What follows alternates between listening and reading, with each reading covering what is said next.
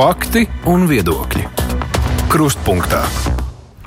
Studijā Mārija Ansone. Valsts kontrole pirms nedēļas nāca klajā ar bēdīgiem secinājumiem saistībā ar agrīnu vēža diagnostiku un onkoloģisko saslimšanu ārstēšanai nepieciešamiem kompensējumiem medikamentiem.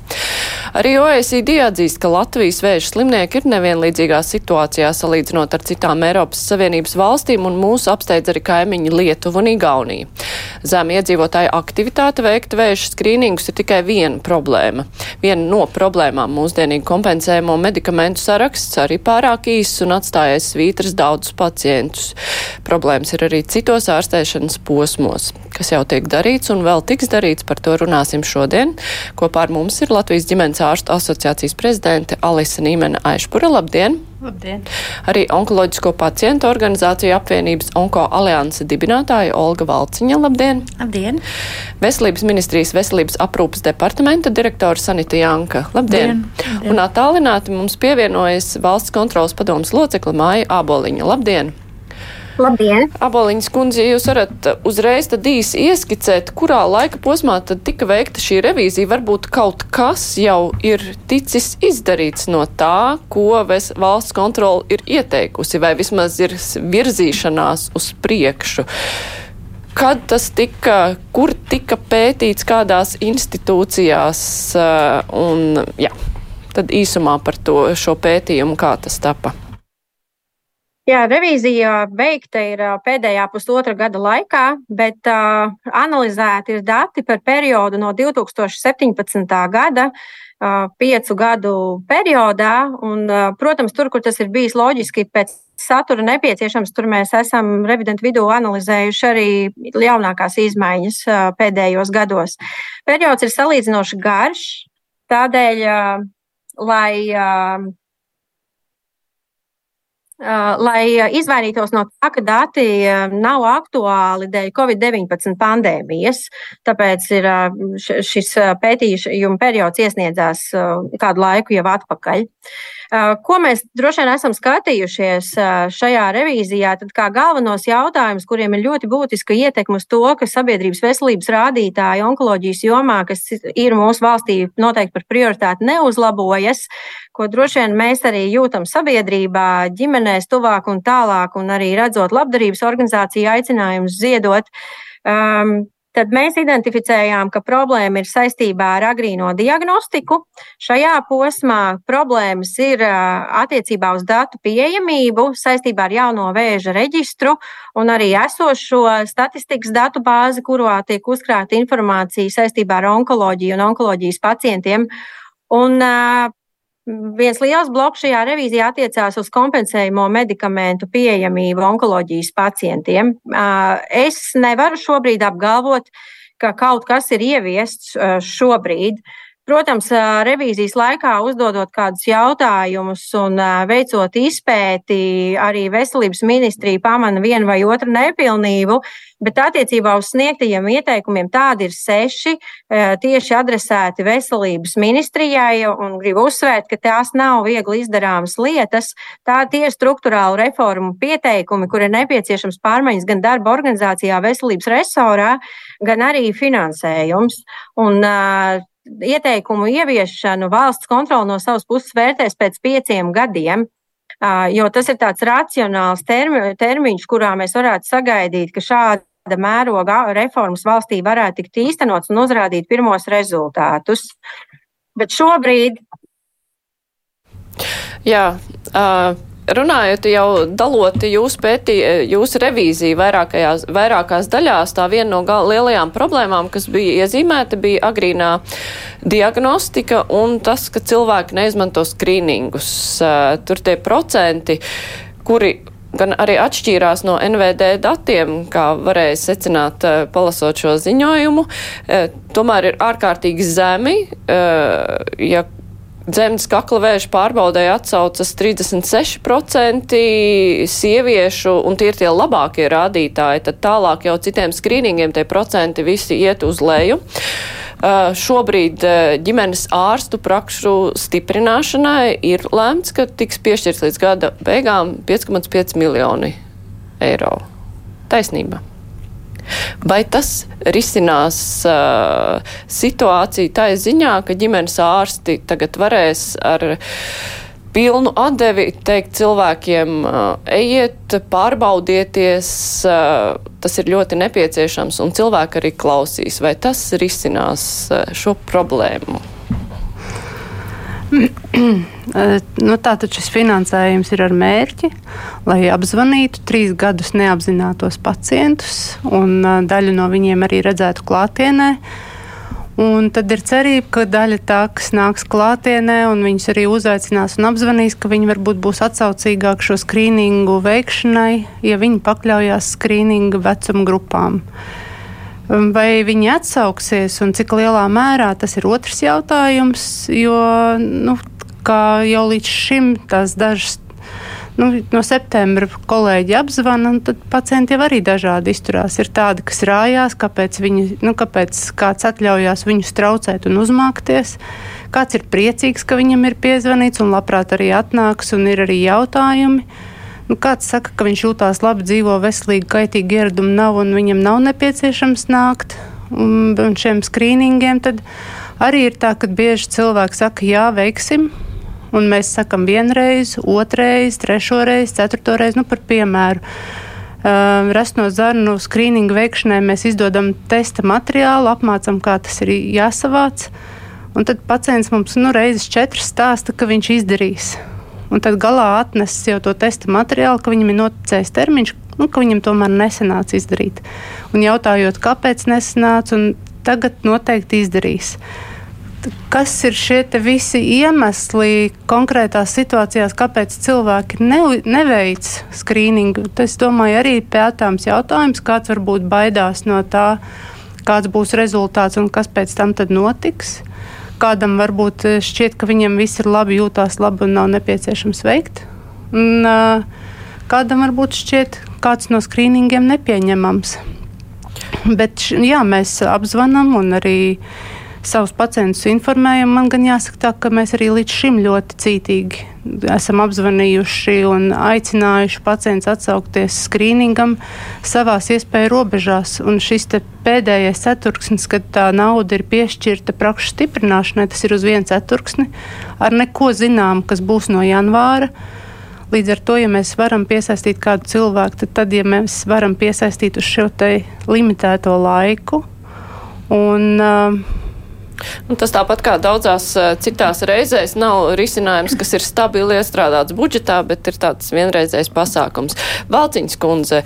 Uh, Nu, runājot par šiem agrīniem skrīningiem, kāds būtu jūsu vērtējums? Cik liela daļa tur ir tas, nu, ka cilvēki varbūt ir nu, neapzinīgi izturs pret savu veselību, un cik daudz tur ir tādas tīri praktiskas grūtības, jo viena lieta ir atnest uh, zarnu vēža skrīningam uh, materiālu atpakaļ uz praksi, ne, ne uz laboratoriju. laboratoriju. Jā, laboratorijas ir pieejamas, uh, nu, vairāk vai mazāk visur, bet citur ir iesaistīti arī speciālisti. Eh, citur ir vajadzīga mamogrāfija. Tas, tas viss ir, nu, tur visur ir jātiek. Vai tas ir atkarīgs no kaut kādas reģionālas, eh, nu, teiksim tā, vai cilvēks dzīvo pilsētā, laukos, vai visiem ir vienlīdzīgas iespējas. Nu, pildīt, vai arī, nu, teiksim, tā neatbildība, to bezatbildība pret sevi tomēr varbūt ir lielāks uh, faktors nekā tas pārējais. Pirmkārt, ir jāatcerās to, ka skrīnings attiecās uz veselo sabiedrības daļu. Tie nav nekādi pacienti. Ģimenes ārsta praksē viņi skaitās kā pacienti, bet mm -hmm. viņi tajā brīdī ir veseli, viņi nedomā par vēzi. Un eh, tas, ko dara zinātnieki visā pasaulē, tie, kas strādā ar vēža skrīningu, viņi domā, kā katru to veselo sabiedrības daļu uzrunāt. Jā, vienmēr būs daļa, kuri nerūpējas par savu veselību. Tādu, tādu cilvēku visā pasaulē ir pa pilnam. Tad otra daļa būs tāda, kuri ir jau bijuši. Piemēram, mēs ne, visticamāk neredzam tās sievietes, kuras ir bijušas pie ginekologa privātu praksē, un tie dati, un varbūt viņiem tie izmeklējumi ir veikti, un tie dati nav aizgājuši uz skrīningu. Viņa neatkarīgi no vēstules ir bijusi un ir izdarījusi izdarījusi, un tas viss nesakrīt vienotā datubāzē. Tas ir vēl viens iemesls, kas, kas var būt, ka tas cipars ir varbūt pat vēl nedaudz augstāks. Uh, kas nav attiecībā uz skrīningu. Tad ir tomēr vietas, piemēram, par to pašu zarnu vēža skrīningu. Uh, ir, ir tomēr reģionos vietas, kur nav uz, uzreiz blakus laboratorija, bet es zinu, ka ģimenes ārstu praksis dara, dara to caur sevi. Tad pie viņiem brauc laboratorijas mašīna un paņem paraugus. Tā ka es nedomāju attiecībā uz skrīningu, ka tā ir tikai nevi, ka tur ir nevienlīdzības komponenti. Es domāju, ka tas mums ir pietiekami labi atrisināts. Visdrīzāk tā ir nepietiekama izpratne, kas notiks tad, ja man kaut ko atradīs Jo, ja jau ir tik slikti ar vēža ārstēšanu Latvijā, kā mēs te visi šobrīd pēdējā laikā runājam, vai man vispār ir vērts iet, ja jau mani neārstēs, un tad tam cilvēkam ir jāvar izskaidrot. Un tas nav īstermiņa darbinieks, tas ir regulārs cilvēks, kurš prot izskaidrot, kas notiks tad, ja kaut ko atradīs. Kāds labums ir atrast agrāk, nevis klasiskā frāze, agrāk atrast ir labāk, bet ir jāpaskaidro, ka tad tev nevajadzēs dārgās zāles, ka tad tu varēsi tur uh, iztikt tikt ar vienkāršu ārstēšanu un pēc tam būt brīvs un skaitīties. Tās lietas ir cilvēkiem jāskaidro. Mēs skaidrojam par mazu. Jankas kundze, šeit jau iezīmējās, nu, viena lieta ir tas, ka ģimenes ārsta prakses tagad uh, tiks, nu, mazliet stiprinātas. Eh, valdība ir gatava piešķirt nu, nedaudz naudas uz laiku, bet nu, ilgtermiņā, ja ir, ja mēs runājam vairāk par to, ka cilvēki ir jāizglīto, jāpārliecina, un pats galvenais, tas, ko teica Valciņas kundze, tā neziņa, ka, ja cilvēks baidās varbūt to darīt, tāpēc, ka viņš saskarsies ar nezināmo diagnozi, kur pat ģimenes ārsts nevienmēr var izstāstīt, eh, kur viņam iet vai palīdzēt eh, atrast to tie, tiešo ceļu uz to izmeklējumu, lai viņš saņemtu to savu diagnozi. Vai ir domāts, kā uh, ģimenes ārstu prakses, jo droši vien, ka ģimenes ārsts būs tas, pie kura vērsīsies, kā stiprināt, lai var veikt šo darbu. Jo tas nav tikai viens zvans, bet tā ir cilvēka vadīšana no kabineta uz kabinetu un tāds morālais atbalsts, lai viņš zina, ko darīt.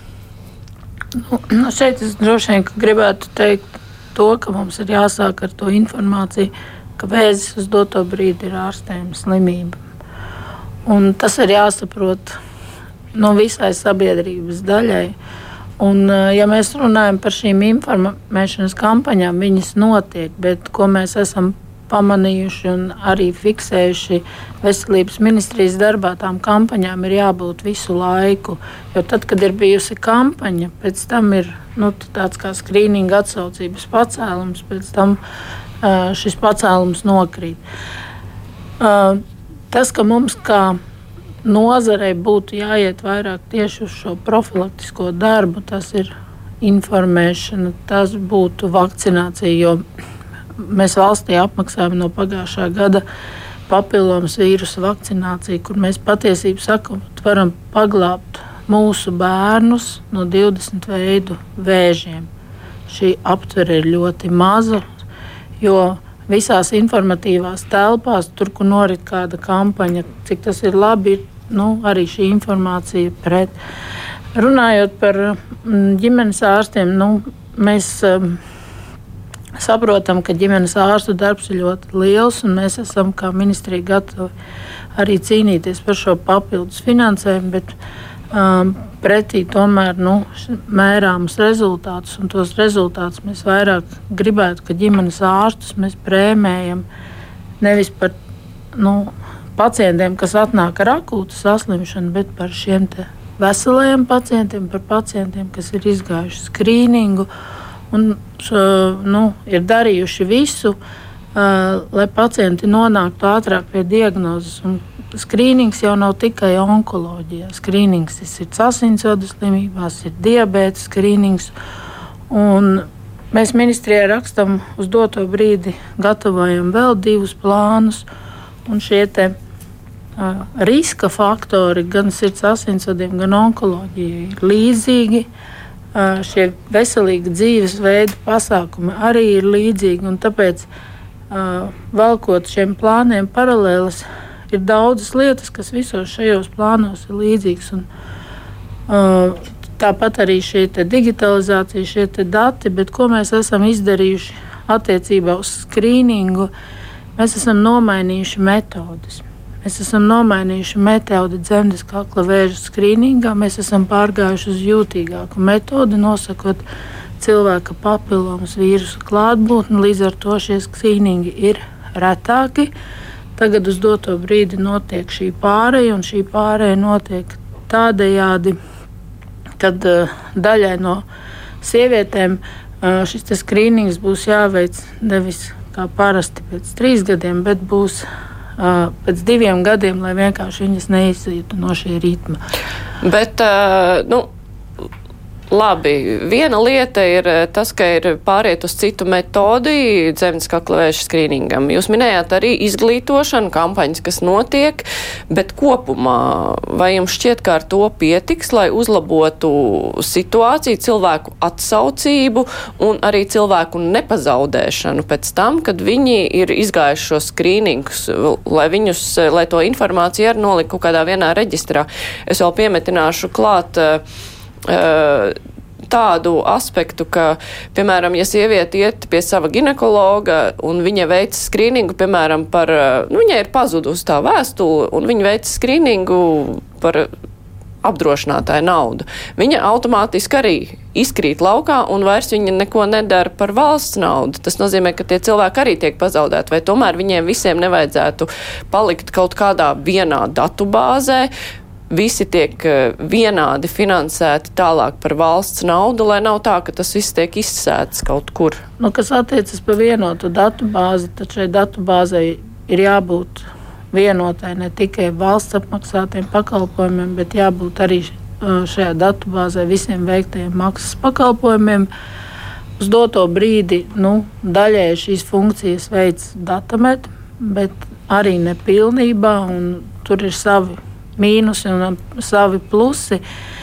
Un, um, nu šeit jau svarīgi, ja cilvēkam atklāj šo diagnozi vēzis, vai viņam jāveic tālāk izmeklējumi saistībā ar skrīningu, tad, protams, tas būtu jādara pa valsts naudu, neatkarīgi, kur uh, pacienti ir veikusi šo skrīningu. Uh, bet runājot par šīm uzaicinājuma vēstulēm, uh, viņas var izprintēt atkārtoti gan ģimenes ārsta praksē, gan pie ginekologa, gan arī vēršoties NVD.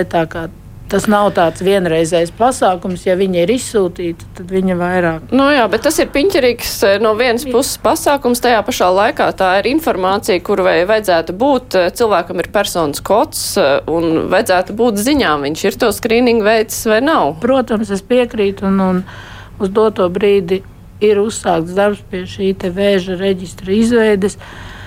Um, nu, tas darbs ir ļoti, ļoti apjomīgs, gan tīri tehniskā ziņā, uh, kur šos datus glabāt, kā viņus sistematizēt, kā viņus savākt no ārstniecības iestādēm. Uh, šeit ir jāiesaistās ne tikai NVD veselības ministrija, SPKC, bet arī um, ārstniecības iestādēm. Šiem datiem ir jābūt vienādi strukturētiem, lai viņus var analizēt. Un kas ir vēl ļoti svarīgi, šeit ir nepieciešami arī normatīvi aktu grozījumi. Uh, jo jāpasaka, ir kādiem datiem tur ir jābūt, kā viņiem jābūt klasificētiem. Un vēl kas ir ļoti svarīgi, ka šos datus var lietot. Uh, tur ir ne tikai normatīvie akti, kas ir ministru kabineta noteikumi, bet arī likuma grozījumi. Jo uh, nu, šie dati jau par katru pacientu tomēr ir personalizēti.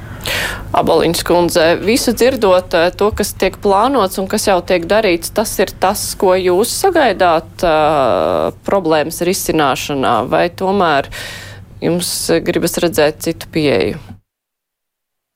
Nu, tad, ja mēs sākam pie izskanējušajiem argumentiem par eh, profilakses celšanu un piešķirtajiem 5,5 miljoniem un par to, cik ilglaicīgi ir šāda pieeja, uh, tad no valsts kontrolas puses mēs tātad vērtēsim ar periodiskumu ik pa diviem gadiem, vai tiešām atsaucība profilaktiskajās pārbaudēs pieaug par 5% gadā.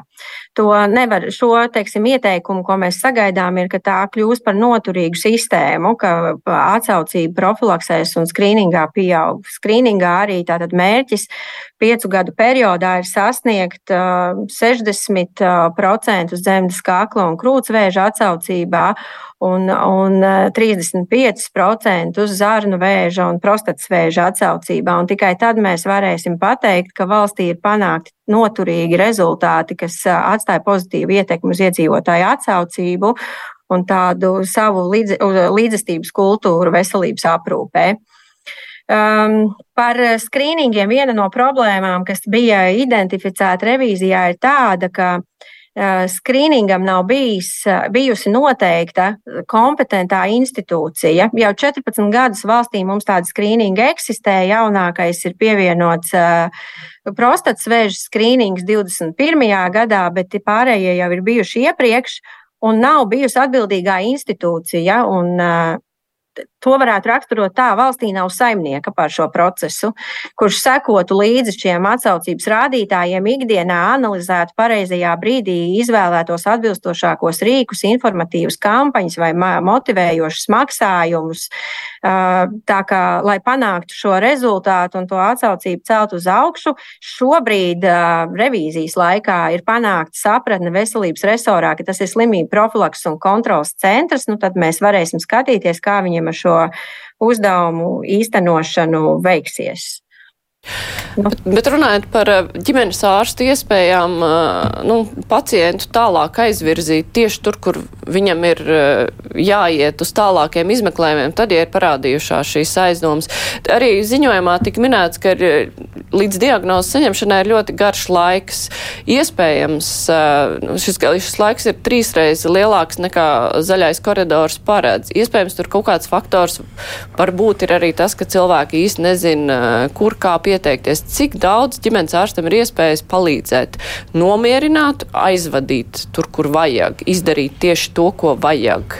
Lai cilvēks nepaliek kaut kur pa vidu ar savu ar aizdomām par to, ka viņam ir vēzis.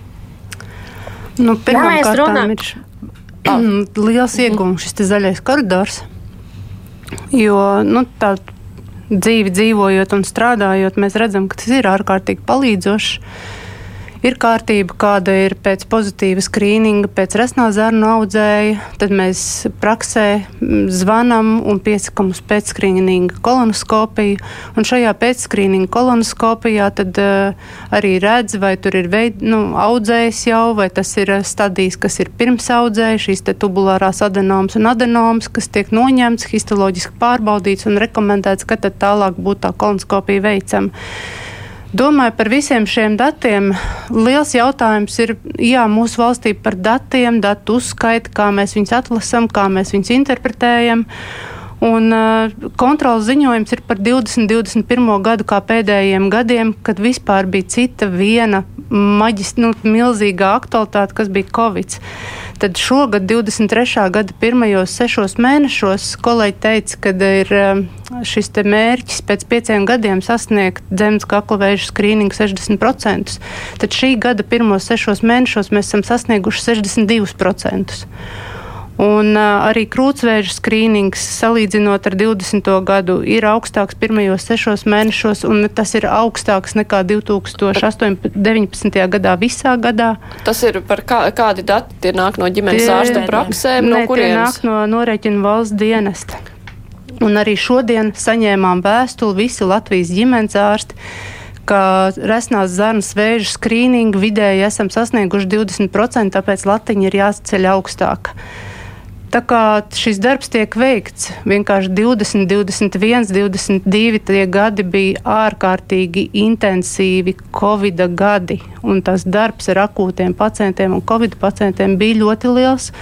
Un ļoti lielā laika periodā arī tika slēgta šīs ambulatorās iestādes, un cilvēki baidījās un vairījās iet par vēstulēm, kas nāk pacientiem, bieži vien viņi nesaņem tās vēstules. Kāpēc viņi nesaņem? Tā ir liela mīkla. Cilvēki saka, ka daļa ir tādi, kas nedzīvo savās deklarētajās dzīves vietās, daļa ir tādu, kuri pat dzīvo, bet kaut kāpēc šīs vēstules nav saņēmuši. Mēs tos uh, cipariņus redzam, saviem pacientiem iedodam. Tas, ka viņi ir ļoti sarežģīti atlasām, tas gan ir fakts.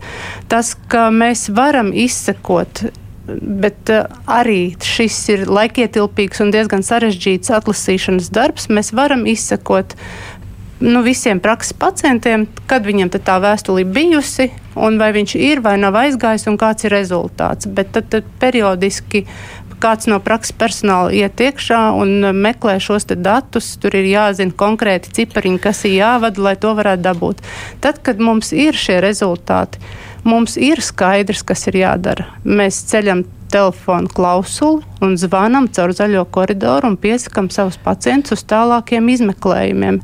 Tas, ka varbūt šobrīd ir laiks drusku lielāks nekā tas bija dokumentos rakstīts, tā tas varētu būt bet es domāju, ka mums ir nepietiekoši liels mediķu klāsts otrā pusē. Iespējams tas ir tas iemesls, kāpēc tas laiks ir garāks. Tad skrīninga rezultāti ir labāki nu, no atsaucības viedokļa, bet zaļais koridors strādā. Tomēr tā kā valsts kontrole ir secinājusi, Āboltiņa, kāds būtu jūsu komentārs? Nu, kā jau minēju, mēs nomērīsim skrīninga rezultātus, tad, kad mēs uh, uzraudzīsim ieteikumus, un tad tas jau būs datos balstīts uh, vērtējums, vai tas ir noturīgs progress vai nē. Par zaļo koridoru es varu tikai apliecināt, ka pēc datu analīzes uh, sanāk, ka mums Latvijā pieteikšanās uz vizīti zaļā koridora ietveros un kopumā līdz tam brīdim, kad pacients nonāk pie onkoloģijas diagnozes, skaidrs, ir trīsreiz ilgāka nekā pēc normatīvajiem aktiem tai vajadzētu būt. Un tur ir dažādi šķēršļi, kas to ietekmē. Par speciālistu trūkumu šeit ieskanējās. Viens, viens jautājums, ko mēs pētījām, ir ginekologu pieejamība, piemēram. Un, ja pēc skaita tie ir vairāk nekā 380 ginekologu valstī, kas ir noslēguši Nacionālo veselības dienestu līgumus par valsts apmaksātu pakalpojumu sniegšanu, tad revidenti gāja dziļāk un analizēja cik liela slodze slēpjas aiz šiem noslēgtajiem līgumiem. Un, uh, tur sanāk, ka uz vien, viens ginekologs valsts apmaksāts veselības aprūpas pakalpojums sniedz ne vairāk kā pusotru stundu dienā.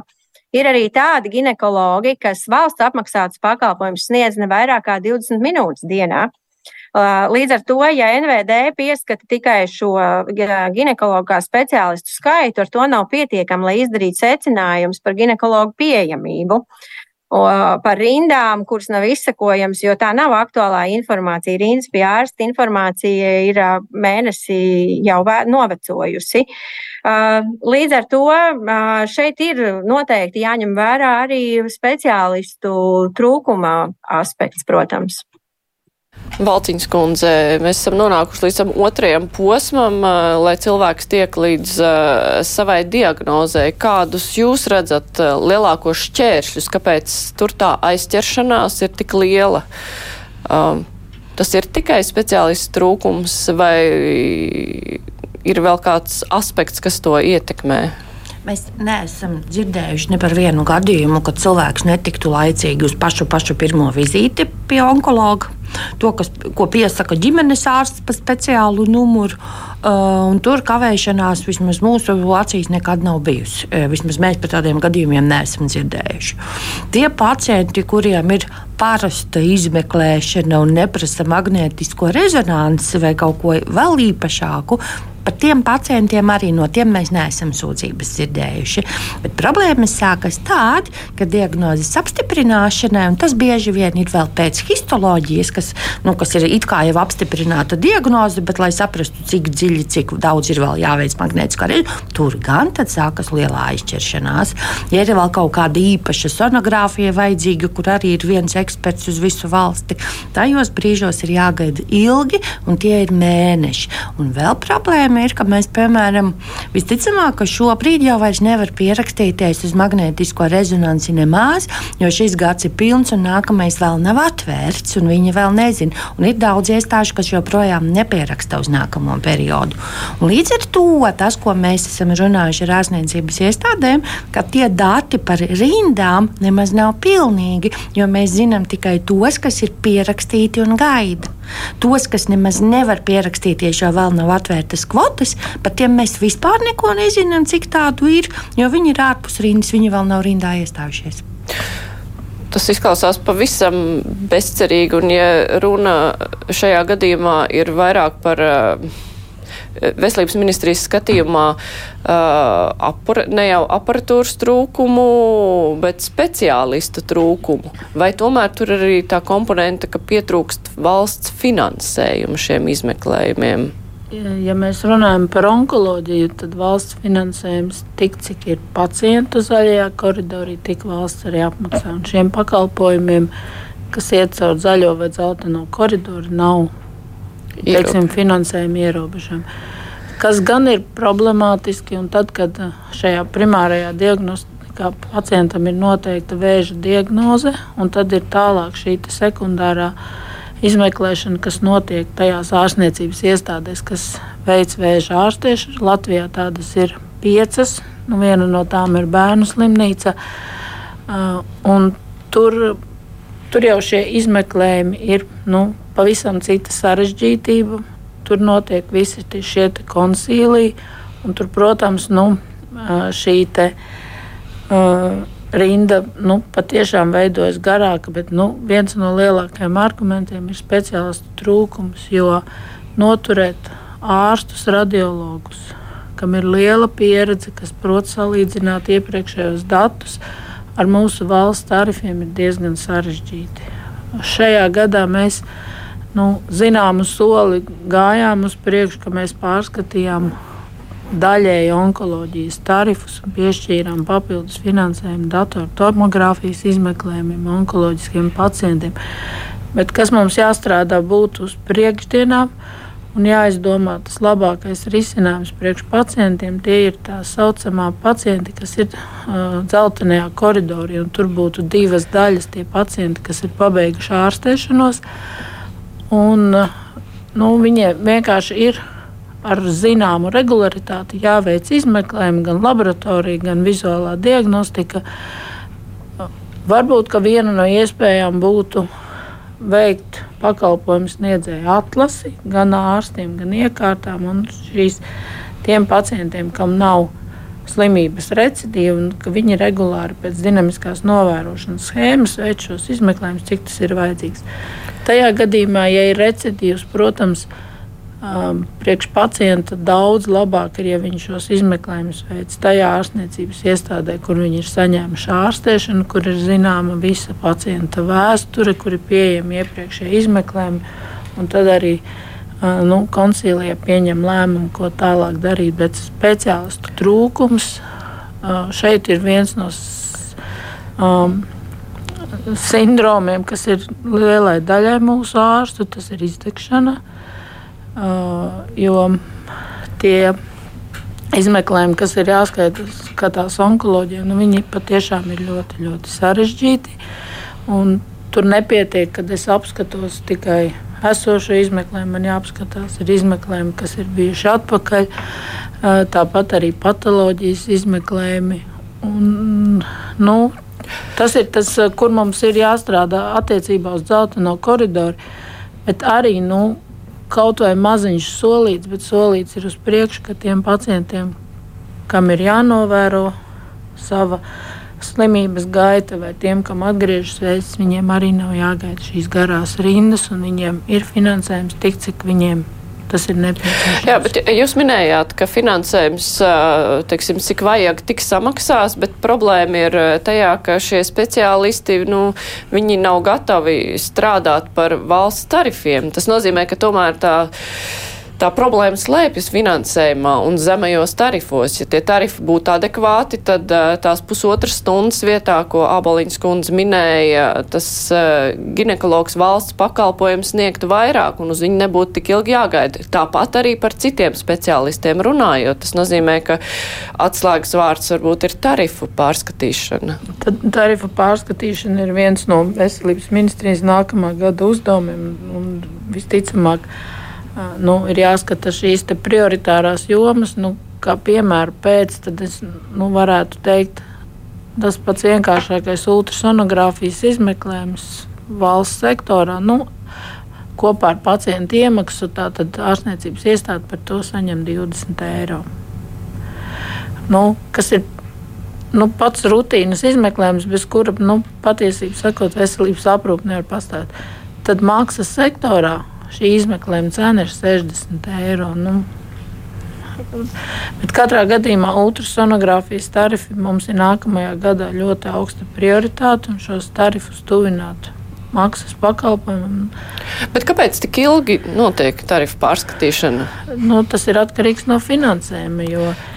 Tad, kad mēs gatavojam sabiedrības veselības pamatnostādes, pašā pirmajā mēs sarakstījām visus tos veicamos darbus, un tur jau nebija neviens liekas un neviens nevajadzīgs. Tad šis papildus finansējums ik gadu bija 870 miljoni. Nu, mēs teiksim, varam pārskatīt un nu, iespējams samazināt šo summu, bet jebkurā gadījumā 400 miljoni katru gadu ir vajadzīgs klāt, jo nu, nav jau nevienam noslēpums, ka medicīna stāv uz vietas. Nāk jauni medikamenti, nāk jaunas izmeklēšanas. Um, tagad mainās būtībā ārstēšanas principi. Ja agrāk vēzi vairāk operēja, vairāk tagad iet uz medikamentozo terapiju. Ja ir labi medikamenti, pacienti dzīvo ilgāk, un mums šī terapija viņiem ir jānodrošina ilgāk. Iet uz šīm uh, mazinvazīvām procedūrām. Mēs jau nevaram uh, nu, nesakot tam līdzi. Teiksim, Pirms gadiem 15 uzskatīja, ja pacientam ir metastāsts, viņi tālāk neārstē. Tad tagad tā vairs nenotiek. Arī šādi pacienti tiek ārstēti, un, šie rezultāti nu, ir labi, ja viņi saņem šo terapiju. Abaliņas kundze, tarifu pārskatīšana, vai tas būtu viens no neatliekamajiem soļiem, lai ātrāk, lai šo zaļo koridoru padarītu patiešām tik ātru, cik tam vajadzētu būt? Es uh, nevaru šobrīd uh, apgalvot no revīzijas viedokļa par tarifu pārskatīšanu kā tādu. Protams, ka konkurence sastāda maksas sektors jautājums, kādēļ cilvēki izvēlās iet uh, un saņemt pakalpojumus par maksu. Bet tas, ko es gribēju piebilst, ir par zaļo koridoru un par izskanējušo dzelteno koridoru. Viens no revīzijas konstatējumiem ir tāds, ka zaļajā koridorā ļoti liels īpatsvars ir tādu pacientu, kuriem jau ir noteikta diagnoze un kuri turpina izmantot šo zaļo koridoru, lai varētu turpināt ārstēšanos, turklāt vairāku gadu garumā. To apliecina šie dati, un tas norāda vienkārši uz to, ja zaļais koridors mērķis ir nonākt ātri līdz diagnozei, ka nav atrisināts jautājums par to, kur ārstēties cilvēkiem, kuriem ir diagnoze, un ka viņiem arī ir vajadzības. Dzeltenais koridors jau attiec uz recidīvu gadījumiem. Nu, līdz ar to uh, faktiski sanāk, ka mums pacienti šobrīd stāv visi vienotā rindā, ka mums nav prioritāra rinda priekš pacientiem līdz diagnozes noteikšanai. Jā, neliels pavisam komentārs par to zaļo koridoru un pacientus, kas visi ir vienā rindā. Mūsu izpratnē zaļais koridors ir no brīža, kad man ir aizdomas, līdz brīdim, kad man uzsāk ārstēt. Jo tajā brīdī, kad man izgriež aizdomīgu veidojumu, vienalga paņem biopsiju un nosaka histoloģiski, ka man ir vēzis Vēl ir vajadzīgi papildus izmeklējumi pirms ārstēt, lai saprastu, cik dziļi tas vēzis ir ieaudzis, cik daudz, kurās vietās, lai saprastu, kā ārstēt. Un tas viss vēl pieder mūsu acīs pie tā paša sākuma, jo tas, ko grib pacients, viņš negrib faktu, ka tev ir vēzis, viņš grib, lai viņu sāk ārstēt. Un mūsu acīs zaļais koridors ir nevis līdz diagnozē, bet līdz pirmajai ārstēšanas sauciet epizodei. Tā? Jā. Un ko darīt ar tiem eh, pacientiem, kuriem ir vēzis atkārtoti, Tiem ir dzeltenais koridors. Tajā brīdī, kad vēzis atgriežas uzreiz, vai pēc pieciem gadiem, vai pēc desmit, pacients ir dzeltenajā koridorī, un mūsu acīs viņam būtu jābūt tieši tādām pašām priekšrocībām, kā sākot ārstēties. Jo šobrīd, arī tad, ja tev ir otra diagnoze, pilnīgi cits vēzis, kas nav saistīts ar iepriekšējo, tev zaļais koridors vairs nepienākās. Tas, tas ir īpatnēji, ka daži pacienti vairāku gadu garumā iet cauri. Pienākās. Jā, jā, tagad pienākās. Jā, jā, jā, saku, tagad pienākās. Jāņem vērā arī fakts, ka nu, jā, agrāk bija pirms gadiem desmit pacientam bija viens vēzis, un divi, trīs vēži bija ļoti reti. Tad tagad tas ir diezgan bieži sastopams. Un, ja pacientam ir bijusi, nu, piemēram, kuģa vēzis, bet tagad ir pavisam citas lokalizācijas vēzis. Viņam pienākas atkal zaļais koridors ar šo otru lokalizāciju. Citu, mums līdz šim mēs nezinājām, mums ir pacienti, kuriem ir apteikts zaļais koridors, un tad viņus dzeltenajā koridorā ielika. Tad es gribu pacelt vēl vienu jautājumu, kas ir saistīts ar zaļo koridoru vai ar dzelteno. Nav svarīgi ar to brīdi, kad ķirurgs nozīmē pacientam operāciju. Pacientam būtu jāaiziet vēl vizītē pie anesteziologa, vēl visādas lietas jāizdara, un tas nenāk komplektā. Mums ir pēdējā brīdī bijuši vairākas sūdzības, ka pacientam, piemēram, trešdien vai ceturtdien, ķirurgs saka, tā, es tevi varu ielikt pirmdien uz operāciju, citas iespējas man nav, bet tev pašam līdz tam brīdim ir jāatrod vizīte pie anesteziologa un kas tev tur vēl ir jāizdara. Un tad pacients saka, ko lai es daru? Man jau reģistratūrā pateica, ka kvotu nav, tur nu, nāca kaut par maksu pēc pāris nedēļām. Un ārsts saka, nu tad tu tur izlūdzies. Tie, kas nemāk izlūgties, tie paliek bez operācijas. Tam būtu jāiet komplektā. Nu, tas ir tāds labs priekšlikums, un mēs viņu noteikti ņemsim vērā. Tur pirms operācijas būtu ne tikai anesteziologs, bet arī izvērtējot gan operācijas risku, gan pacienta stāvokli, nu, laboratoriju un citu izmeklējumu. Bet to, to mēs. Mhm. Jā, bet mums ir tomēr jārunā arī par medikamentu nodrošināšanu, kompensējumu medikamentu nodrošināšanu. Revīzijā bija secināts, ka tur bija pētīts 11 medikamentozās terapijas 11 izplatītāko vēža diagnožu ārstēšanai un tikai divām uh, šo vēzi ārstēja atbilstoši vadlīnijām. Tā bija secināts ziņojumā, respektīvi, ka ir daudz diagnozes, kuras ārstē vai no nu nepiemērotām zālēm, vai arī kurām zāļu vienkārši nav kompensējumu. Aboliņas kundze. Arī OECD bija konstatējis, ka Latvijā lēmumi par zāļu eh, kompensēšanu tiek pieņemti vadoties no pēc kritērijiem, kritērijiem izmaksu liederību un ietekme uz budžetu. Respektīvi, naudas nav, vēzi neārstējam. Nu, kāds ir secinājums par šo pieeju?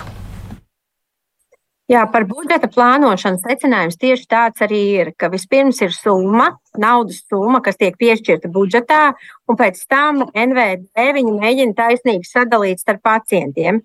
Ja mēs paskatāmies uz valsts pienākumu nodrošināt medicīniskās palīdzības minimumu visiem onkoloģijas pacientiem un primāri Tātad vērtējo, izdarot šo vērtējumu, balstoties uz 11 izplatītākajām ļaundabīgu audzēju diagnozēm, tad tā kā jūs sakāt, revīzijas secinājums sadarbībā ar ekspertiem ir tāds, ka atbilstoši Eiropas standartam Latvijā kompensējumu zāļu saraksts atbalsta tikai olnīcu un nemetastātisku zarnu vēzi. Otra pārbauda, kas tika veikta, arī saistībā ar medicīniskās palīdzības minimumu un vienlīdzīgu attieksmi pret visiem onkoloģijas pacientiem, mēs salīdzinājām kompensējumā zāļu sarakstā ietvertās zāles visiem ļaundabīgo audzēju veidiem. Pret to, vai visām šīm diagnozēm ir iespējama pamatterapija, ar ko sāk ārstēt visu pacientu vēzi, un pēctecīga terapija gadījumiem, kad pamatterapija nedarbojās konkrētam pacientam, jo tā pēctecīgā un secīgā ārstēšana ir ļoti būtiska. Šeit revīzijas rezultāti parāda, ka no visām diagnozēm pilna terapija ir 27% gadījumu tikai. Uh, nu, lūk, tie, tie arī ir tie par to medicīniskās palīdzības minimumu atbilstoši standartam un par terapijas pieejamību visiem onkoloģijas pacientiem. Tie galvenie secinājumi. Aizpārskundze, skaidrs, ka ģimenes ārsts neatbild par šo zāļu nozīmēšanu, bet uh, jūs redzat pacientus droši vien, kuri tiek kaut kā ārstēti ar nepiemērotiem medikamentiem. Kā viņi tiek galā? Nu, es zinu pacientus, kas ir uh, organizējuši šīs kampaņas, kur viņi savāc naudu, un tad viņi tiek pie medikamentiem un medikamentus saņem. Ir bijuši pacienti, kuriem pateicoties, viņi ir izcīnījuši, dibinājuši pacientu organizāciju un izcīnījuši medikamentus priekš turpmāk visiem šīs grupas pacientiem. Arī tādi labi piemēri ir, un tas ir daudzus gadus atpakaļ, un pacients saņem terapiju kā jau parasti šobrīd visi, vairs tā nav izcīnāma, vai tie nav kaut kādi pētījumi ietvaros medikamenti. Um, tā teikt, nu, es konkrēti savā praksē neredzu pacientus, kas nesaņemtu atbilstošu terapiju. Šie ir tie atsevišķie gadījumi, par kuriem es teicu, ka es zinu, ka jā, meklēja dažādos veidos citur finansējumu priekš medikamentiem. Citiem pārējiem pacientiem, nu, par laimi, medikamenti ir apmaksāti un stadijas ir agrīnas un nu, viņi ir izārstējami. Un šobrīd tas terapijas stadijā, kur viņi ir, viņi saņem atbilstošu ārstēšanu. Bet es gribēju teikt par šo te finansējumu, ka mēs runājam. Nu, mēs runājam, ka zāles paliek dārgākas, inovatīvākas, vairāk, ka mēs dzīvojam drusku ilgāk un saslimstam visi vairāk, un uh, šo ārstēšanu gribam saņemt aizvien modernāku, kas izmaksā aizvien dārgāk. Un tāpat mēs esam dekādēm runājuši par to, ka kopumā veselības aprūpē ir nepietiekams finansējums. Un mēs varam izlikties gadiem ilgi, ka mēs par 20 eiro varam nopirkt Mercedesu bet nevaram. Un tad tas rezultāts ir tāds, kā ir. Varbūt, ka jābeidz izlikties. Vai nu valsts tad izlēma, mēs visi esam valsts kopumā, ka mēs veselības nozarei novirzam lielāku maksājumu daļu, un tad mēs varam pārskatīt visus šos tarifus, kas ir radiologiem, gan par ultrasonogrāfijām, gan par magnētiskām rezonancēm, lai radiologiem nav jāiet prom no valsts sektora, jo viņiem ir Es saprotu, ka arī ir ārkārtīgi sarežģīti strādāt esošajā valsts apmaksātajā sistēmā, tāpēc arī rodās šie te, nu, pudeļas sašaurinājumi, ka pacienti it kā mums ir kārtība, bet tā kārtība ne līdz galam strādā, un tas pats ir ar medikamentiem. Domāju, ka ir no paša pamata jāsāk.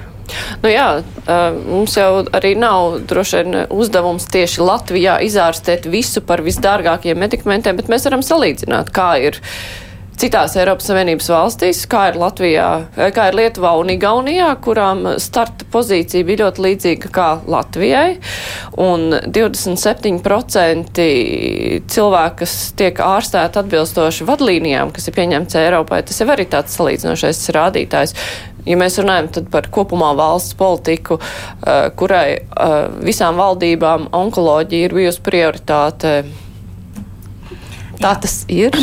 Sa, sākšu ar to, ka uh, ne visi pacienti zina, ka viņus ārstē ar nevis tām zālēm, kas ir visefektīvākās viņa diagnozē un iekļautas vadlīnijās kā pirmā izvēle, bet ar to, kas, ap, kas tiek apmaksāts. Es pieļauju, ka arī ģimenes ārsti visas onkoloģijas vadlīnijas nelasa un nevar izsacināt. Tā, tā, tā lieta nav tik viennozīmīga, un uh, arī ētikas speciālisti joprojām uh, domā, vai visiem pacientiem ir jāzina, vai viņam bija labākās iespējamās zāles vai ne. Otrs par par inovācijām. Tā zāles, kuras mēs šobrīd Latvijā saucam par inovatīvajiem medikamentiem, patiesībā ir standarta terapija. Jau tā vairs nav nekāda inovācija, tā ir standarta terapija. Mums būtu jāizbeidz šo vārdu lietotājiem, dēļ, ka viņš rada tādu negatīvu iespaidu, ka kāds grib ekstru. Tas, ko mēs esam izpētījuši, un tas, par ko runā valsts kontrole, un tas, par ko sen zināja ārsti un arī ministri un visi pārējie, ka mums joprojām ir milzīgas atšķirības starp to, kā mēs dažādus pat vienas diagnozes pacientus ārstējam. Var gadīties, ka vienā palātā sēž divi plaušu vēža pacienti, viens saņem pirmās līnijas zāles, otrs nesaņem nekādas, jo viņa diagnozē viņš vienkārši nav apmaksāts. Un tas, par ko ir jārunā, ir par izmaksu efektivitāti. Izmaksu efektivitāti efektivitāte nozīmē tā rupjā un vienkāršā valodā nozīmē, vai atmaksājas ārstēt. Iespējams, ka ministrijas cilvēkam ir neētiski lietot šādu vārdu. Mēs kā pacienti varbūt esam vienīgie, kas drīkst. Tad es kā piemērs parastais. Ja mums ir milzīgs autoparks un viena mašīna salūz, ko mēs darām? Mēs rēķinam, vai atmaksājas ārstēt. Ja atmaksājas, mēs remontējam to mašīnu un lietojam, jo mašīna mums atpakaļ nes naudu. Mēs esam izrēķinājuši par ļoti daudziem medikamentiem. To dara Zāļu valsts aģentūra, ka zāles ir izmaksu efektīvas. Tā tad atmaksājas šo pacientu ārstēt, viņš atgriežas dzīvē, ir pietiekams ieguvums.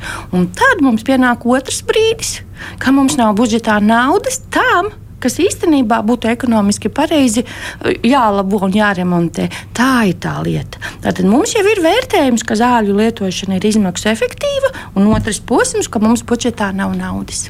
Nu jā, runājot par šo te budžetā nav naudas, skaidrs, ka tā, tie ir parasti politiskie lēmumi valdībā, kur tiek dalīts budžets un spriests, ka nu, mēs tad tai nozarei piešķiram vai nepiešķiram naudu. Bet nu, veselības ministrijai taču apzinās, ka mēs salīdzinot ar tām citām valstīm, nu, ka mums tas groziņš ir nu, krietni trūcīgāks nekā pat tepat blakus. Nu, varbūt ne visās lokalizācijās, bet nu, kopumā nu, tāds ilustratīvs piemērs. Ja mēs šim gadam onkoloģijai prasījām 98 miljonus, es domāju, ka pēc uh, pacientu skaita pieauguma un aplēsēm, kad tika rakstīts plāns, tā summa varētu būt lielāka. Mums ir piešķirta 30. Tad līdz ar to mazāk nekā trešdaļa. Mazāk nekā trešdaļa. Tas nozīmē, ja mēs kādu medikamentu iekļaujam kompensējumā zāļu sarakstā, mums jau ir ne viņu tikai iekļaut, un tad mēs iekļaujam pacientus. Mums jau šī terapija arī jāturpina. Un līdz ar to, ja mēs iekļaujam šo diagnozi, šogad ir desmit pacienti, desmit turpina no iepriekšējā gada. Nu, Tas ir viens no galvenajiem iemesliem, ir finansējuma trūkums. Protams, ir daudzi citi darbi, kas mums ir jāizdara, jāpārskata. Arī nu, gan aptieku, gan lieltirgotavu uzcenojumu, un arī pie kā noteikti ir jāstrādā. Vienmēr būs kāda, kāds pacients ar nu, ļoti retu onkoloģiju, kam nu, nebūs šai kompensējamo zāļu sarakstā, pārskatīt arī šo individuālo kompensāciju. Jo tāda, kā viņa ir uz doto brīdi, nu, viņa priekš pacienta ir absolūti nedraudzīga. Jo nu, tāds plus mīnus uh, onkoloģijas medikaments mēnesī maksā nu, no 5000 uz augšu. Ja es nu, nedomāju, ka mums valstī ir daudz cilvēku, kas mierīgi katru mēnesi var medikamentiem samaksāt trīs vai četrus un vairāk tūkstošus. Ja, bet, ir nauda, bet, tie brauc uz Lietuvu pirkt zāles. Jā. jā, bet runājot par lieltirgotavu uzcenojumu, kas kavē ierobežot Nu, es īsti nebūšu kompetenti par to runāt. Es nepastāvu, nepārstāvu farmācijas departamentu, bet no valsts kontrolas ieteikumiem, kur mēs kā ministrija iesim cauri un norādīsim konkrētus veicamos darbus, tad šis būtu arī tas jautājums, kas tālāk ir jārisina. Jo šī, arī šī individuālā kompensācija. Nu, nekad medicīnā viss nebūs simtprocentīgi. Būs divi, trīs pacienti, kas no šī lielā pūļa atšķirsies, arī viņiem nu, terapija mums ir jānodrošina. Tā, lai viņi var nu, nepieciešamības gadījumā piemaksāt, ja to vajag, bet nu, vairākus gadus nu, pacients samaksā četri vairāk tūkstoši. Nu, tas vienkārši nav iespējams. Bet eh, PVN samazināšanu zālēm veselības ministrija arī. To arī izskata kā variantu, bet tas ļoti būtiski un nu, tika samazinājumu neiedos, bet katrā gadījumā mums ir jādara viss iespējamais, lai samazinātu medikamentu cenu, kas līdz ar to, ja cena ir mazāka, var iekļaut vairāk pacientiem.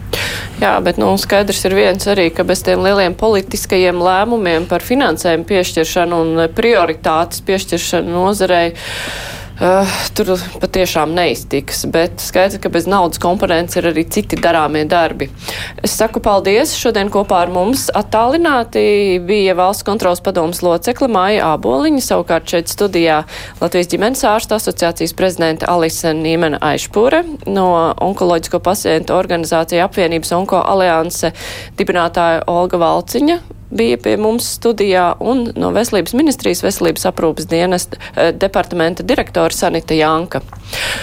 Rīt krustpunktā savukārt eh, būs runa par eh, nu, ne tikai Krievijas pensionāriem, kur nesaņem pensijas, bet arī par citām lietām, kas varētu parādīties, ja Krievija turpinās nepildīt kaut kādas savas līgumiskās saistības. Kolēģis Aidis Tomsons skaidros, kas tam visam varētu vēl sekot. Bet šodien raidījums izskan, raidījuma producenti Ieva Zēza, studijā bija Mārija Ansona. Visu labu, mēs tiekamies jau citā dienā.